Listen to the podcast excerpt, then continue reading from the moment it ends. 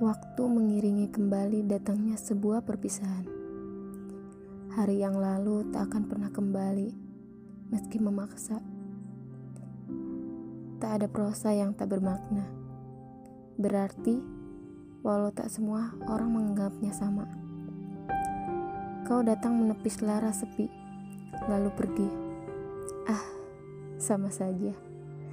Hidup ini harus menerima yang datang lalu pergi, yang membahagiakan lalu menyakitkan.